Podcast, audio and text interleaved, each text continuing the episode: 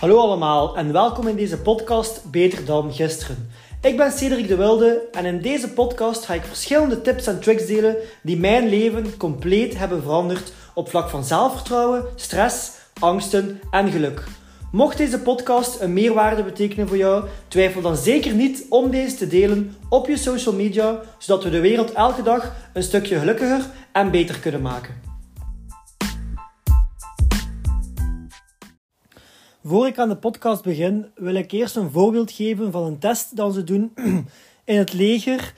En dat is een verdrinkingsproef. Nu, wat is dat? Uw handen en uw voeten worden vastgebonden en je wordt in een zwembad gesmeten. En je hebt maar één taak, en dat is vijf minuten overleven. Nu, in de proef zijn er veel lessen die naar boven komen. En de eerste les is: hoe meer dat je probeert te zwemmen, of hoe meer dat je probeert te overleven, hoe meer kans je hebt dat je zult verdrinken. Dus in andere woorden, hoe meer controle dat je wilt over de situatie, hoe meer dat we de controle zullen verliezen. Dan, de tweede les is ook heel simpel. Hoe meer dat we in paniek schieten, des te meer kans dat we het niet gaan halen en dat we ook gaan verdrinken. Omdat je ook heel, heel veel zuurstof verspilt en op die manier eigenlijk veel sneller vermoeid bent en uitgeput bent.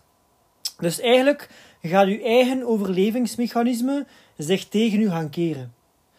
Dus zoals dat je ziet, hoe meer dat je soms wilt overleven of hoe meer dat je controle nergens over wilt, hoe, hoe minder controle dat je erover zult hebben.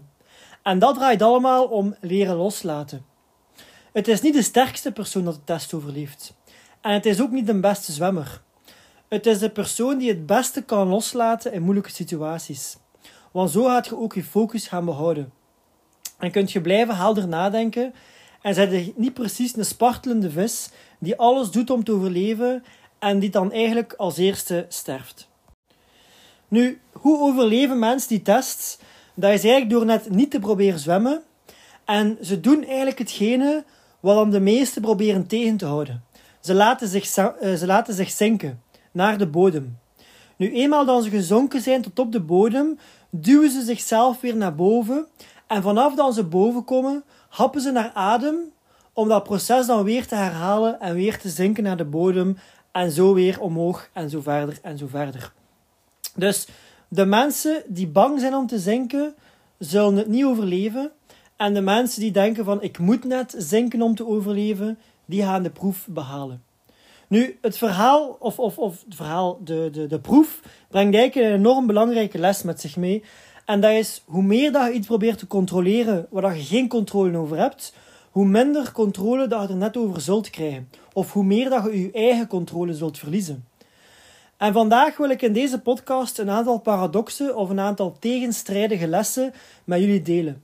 Lessen die op het eerste zicht onlogisch lijken, maar als we er dieper over nadenken, zijn ze eigenlijk heel logisch of volledig waar.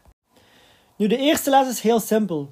Hoe meer dat we willen dat mensen ons leuk vinden, hoe minder leuk dat ze ons zullen vinden. Nu, uiteindelijk draait het niet om wat we zeggen, het draait vooral om waarom dat we iets zeggen. Wat is de intentie achter alles wat we zeggen? Het kan zijn dat je intentie is om iemand te helpen.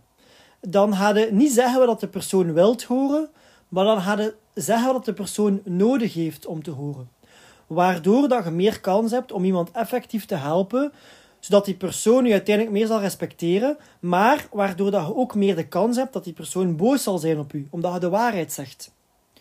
Wanneer het draait om leuk gevonden te worden, zul je constant zeggen wat de persoon wil horen. En ga je de persoon misschien in alles gelijk geven en altijd maar slijmen en de beste vriend proberen zijn, ook al doet die persoon dingen waarvan je weet dat dat eigenlijk niet goed is. Je wilt gewoon leuk gevonden worden. Waardoor mensen op lange termijn u uiteindelijk ook minder zullen respecteren en ze zullen u ook minder gaan vertrouwen. Want als er nooit tegenwoord is, als er nooit verschillende meningen zijn, ga je om een duur ook niet meer weten of iemand echt de waarheid vertelt of niet. Elke goede relatie heeft soms wat wrijving nodig. Het tweede paradox, of de tweede tegenstrijdige les, is hoe meer dat je faalt, hoe meer kans dat je hebt dat je succesvol zult worden. Nu, er zijn daar zoveel voorbeelden van. Mensen die keer op keer falen en dan uiteindelijk ook succesvol worden. Nu, zolang dat we bang zijn om te falen, gaan we ook nooit dingen proberen. Zeker niet de dingen waarvan dat we niet zeker zijn of dan ze werken. Nu, als we dingen niet proberen, kunnen we ook niets nieuws leren. En als we niets nieuws kunnen leren, kunnen we ook niet slimmer worden en daardoor is succes al een stuk moeilijker. Veel mensen willen overal van eerste keer goed in zijn. En we doen niet graag de dingen waar we niet goed in zijn. Nu, natuurlijk is het belangrijk om extra in te zetten op de dingen waar je goed in bent, maar wat dat je ook doet in het leven, bij alles zullen er dingen zijn waar dat je beter in moet worden. En waar dat je minder goed in bent en waar dat je in kunt groeien. En zolang dat je die dingen vermijdt, zal succes heel moeilijk worden. Want het is door te falen dat je ervaring opdoet. En dat je leert hoe iets niet moet. Het is belangrijk om eerst verschillende manieren te kennen hoe iets niet werkt, voordat je kunt weten hoe dat wel werkt. Dus zonder falen is succes bijna onmogelijk. De volgende les is: hoe meer schrik dat je hebt om iets te doen, hoe meer redenen dat je hebt om het net wel te doen. Dat is heel simpel. Veel mensen leven in hun angsten. En ze blijven in hun angsten leven omdat ze die nooit durven te overwinnen. Weer opnieuw, omdat we al zoveel verhaaltjes in ons hoofd hebben van wat er zou kunnen gebeuren of hoe dat we zouden kunnen falen en hoe dat mensen ons gaan uitleggen en, uh, uitlachen en hoe dat, uh, hoe dat, dat allemaal gaat misgaan en daardoor blijven we in onze angsten leven. Nu, ze zeggen altijd dat je droomleven aan de andere kant staat van al je angsten. En hoe meer dat je je angsten overwint, hoe vrijer en gelukkiger je je zult voelen. Nu, ik heb een heel simpele vraag om je angsten te overwinnen. En dat is: kan je ervan doodgaan? Als het antwoord ja is, dan zou ik het best niet doen. Als het antwoord nee is, dan doe het gewoon. Niet nadenken en doen. Uiteindelijk zijn de gevolgen in ons hoofd altijd veel erger dan in de realiteit. We gaan in ons hoofd veel meer afzien dan in het echt waardoor onze angsten blijven controle hebben over ons. Dus als er bepaalde dingen zijn waar je bang of nerveus voor bent, maar je kunt er niet van doodgaan, niet nadenken en gewoon doen. Achteraf zul je ongelooflijk goed voelen, wat hebt je zelf een stukje bevrijd van een bepaalde angst. Dan gaan we over naar de volgende. Hoe meer een bepaalde karaktereigenschap u irriteert bij een ander, hoe meer kans dat we hebben dat we die zelf bezitten, maar dat we die wegduwen. Dus anders gezegd, hoe meer dat je een bepaalde karaktereigenschap haat bij een ander, hoe meer kans dat je hebt dat je die karaktereigenschap zelf bezit, maar dat je ervoor schaamt of dat je die wegduwt en dan niet beseft dat je dat hebt. Of diep van binnen weet je dat wel, maar je hebt al zodanig lang weggeduwd dat je dat niet meer beseft. En dat is een soort blinde vlek. En veel mensen die hierover gaan nadenken en misschien voorbeelden in de omgeving gaan bedenken van, van, van wie dan bepaalde karaktereigenschappen niet af kunnen of waar, waaraan dan ze zich irriteren, gaan misschien dat onmiddellijk kan kennen en zeggen dat is niet wie dat ik ben. Maar gelijk dat ik zeg, in veel gevallen is dat een soort blinde vlek. Of is dat iets wat anderen wel zien bij u, maar wat je niet bij, wat je niet bij jezelf ziet. Maar gelijk dat ik zei, diep van binnen weten wel dat je die bezit. En meestal zijn dat ook de dingen die ons heel kwaad maken als iemand ons daarover aanspreekt. Of als, dat, als iemand daarover iets zegt tegen ons. Waarin dat we direct op ons paard zitten. En, en dat is hetgene wat we echt niet moeten zeggen, want dat maakt ons kwaad en dat maakt ons boos. Dat kunnen van die dingen zijn dat je eigenlijk dat een bepaalde trigger is. En dat heeft een reden waarom dat, dat je triggert. Dus wanneer dat je dat ziet bij een ander, is dat gelijk een soort spiegel dat een deel van jezelf reflecteert dat je misschien al lang wegduwt of niet wilt zien. En wanneer dat je hiermee wordt geconfronteerd, zal je dat irriteren of je kwaad maken. Natuurlijk is dat niet in alle gevallen zo, maar in de meeste gevallen wel. Dus het is het hem zeker waard om een keer over na te denken. Want misschien leert je jezelf wel beter kennen. En door jezelf beter te leren kennen, kun je natuurlijk weer de volgende stap zetten in je groei als persoon. Dan gaan we over naar de volgende. En dat is, je kunt maar een gelukkige relatie hebben met iemand anders als je gelukkig bent met jezelf. Je kunt andere mensen niet oprecht gelukkig maken als je jezelf niet oprecht gelukkig kunt maken. Nu, uiteindelijk is dat een heel belangrijke les. Waarom? In veel relaties is de persoon hun geluk afhankelijk van de andere persoon in de relatie. Dus ze stellen elkaar verantwoordelijk voor hun geluk, omdat ze zichzelf niet gelukkig kunnen maken. En daardoor verwacht je dat de andere persoon dat doet voor u. Waardoor dat mensen veel meer leven met een schuldgevoel omdat ze iets verkeerd hebben gedaan, of omdat hun schuld is dat de andere niet gelukkig is. Maar uiteindelijk mogen je nooit verwachten dat iemand anders je gelukkig maakt als je het zelf niet kunt. Want dat is egoïstisch.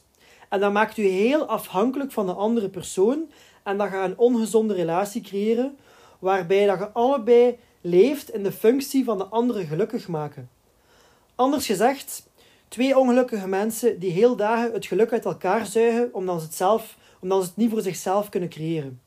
Nu vraagt u misschien af, hoe is dat dan in een gezonde relatie? Ge, dat zijn twee mensen die zichzelf verantwoordelijk stellen voor hun geluk. En dan komen ze samen om hun geluk te delen. Ze delen hun geluk. Ze zijn niet afhankelijk van elkaars geluk, ze delen het. Want uiteindelijk mag nooit iemand anders verantwoordelijk zijn voor uw geluk. Dat zij zelf. En gelijk dat ik zeg, als je iemand anders verantwoordelijk stelt voor uw geluk, dan gaat je heel afhankelijk zijn van die persoon. En dan gaat uw, uw gevoel afhankelijk zijn van hoe dat die persoon zich voelt. En dat zie je in heel veel relaties. Dan gaan we over naar de laatste les. En dat is, hoe meer dat je verlangt om gelukkig te zijn, hoe minder gelukkig je zult zijn. Dat draait weer om te proberen controleren wat je niet kunt controleren. Je kunt niet op dit moment zeggen, wees gelukkig. En plots voel je mega gelukkig en begint te dansen en te springen. Jammer genoeg zijn daar wel middeltjes voor. En dat zijn middeltjes die veel mensen misbruiken. Waardoor dan ze ineens een enorme dopaminepiek krijgen. Bijvoorbeeld drugs, alcohol, wat dan ook. Maar op termijn maakt u dat nog ongelukkiger dan ervoor. Snelle oplossingen om gelukkig te worden of instant gratification, dat is een manier om je geluk te controleren, maar op heel korte termijn, want het maakt het daarna alleen maar erger. Maar gelijk dat ik zeg, hoe meer dat je je geluk wilt controleren, hoe, hoe minder gelukkig dat op termijn zult zijn. Het draait vooral om loslaten waar je geen controle over hebt, wat andere mensen van u denken, de verwachtingen van uw omgeving, de verwachtingen van de maatschappij, de meningen van iedereen. Daar heb je geen controle over. En hoe meer dat je dat gaat willen controleren, hoe meer dat je dat wilt, wilt naar je hand zetten, hoe ongelukkiger dat je zult zijn, hoe meer druk dat je zult voelen, hoe meer druk dat je op jezelf zult leggen. Want je hebt daar geen controle over. Je hebt enkel en alleen controle over de dingen die je zelf doet. Je ochtendroutine, je voeding, sporten, een koude douche nemen. De dingen die je op lange termijn gelukkig maken. Goede vriendschappen, goede relaties, bijleren, sterker worden in bepaalde skills meer bijleren over persoonlijke ontwikkeling. Dat is gelukkig worden op lange termijn. Maar niet zeggen van ik wil nu gelukkig zijn, want hoe meer dat je dat wilt, hoe minder gelukkig dat je zult zijn. En dan zit je de paniekerige zwemmer in de verdrinkingsproef. Uiteindelijk wat dat mensen echt gelukkig maakt, is nog altijd persoonlijke vooruitgang op welk vlak dan ook. En met die vooruitgang een impact kunnen maken op andere mensen hun leven.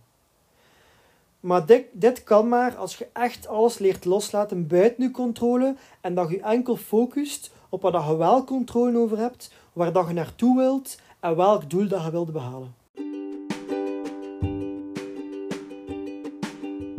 Oké, dat was de podcast voor vandaag. Hopelijk heeft deze podcast jullie warm gemaakt om na vandaag nog meer aan jezelf te werken, waardoor dat je binnen een jaar nog trotser zult zijn op jezelf. Mocht deze podcast een enorme meerwaarde geweest zijn voor jullie, twijfel dan zeker niet om deze te delen op je social media, zodat we de wereld weer een klein stukje beter en gelukkiger kunnen maken. Bedankt om te luisteren en tot de volgende keer.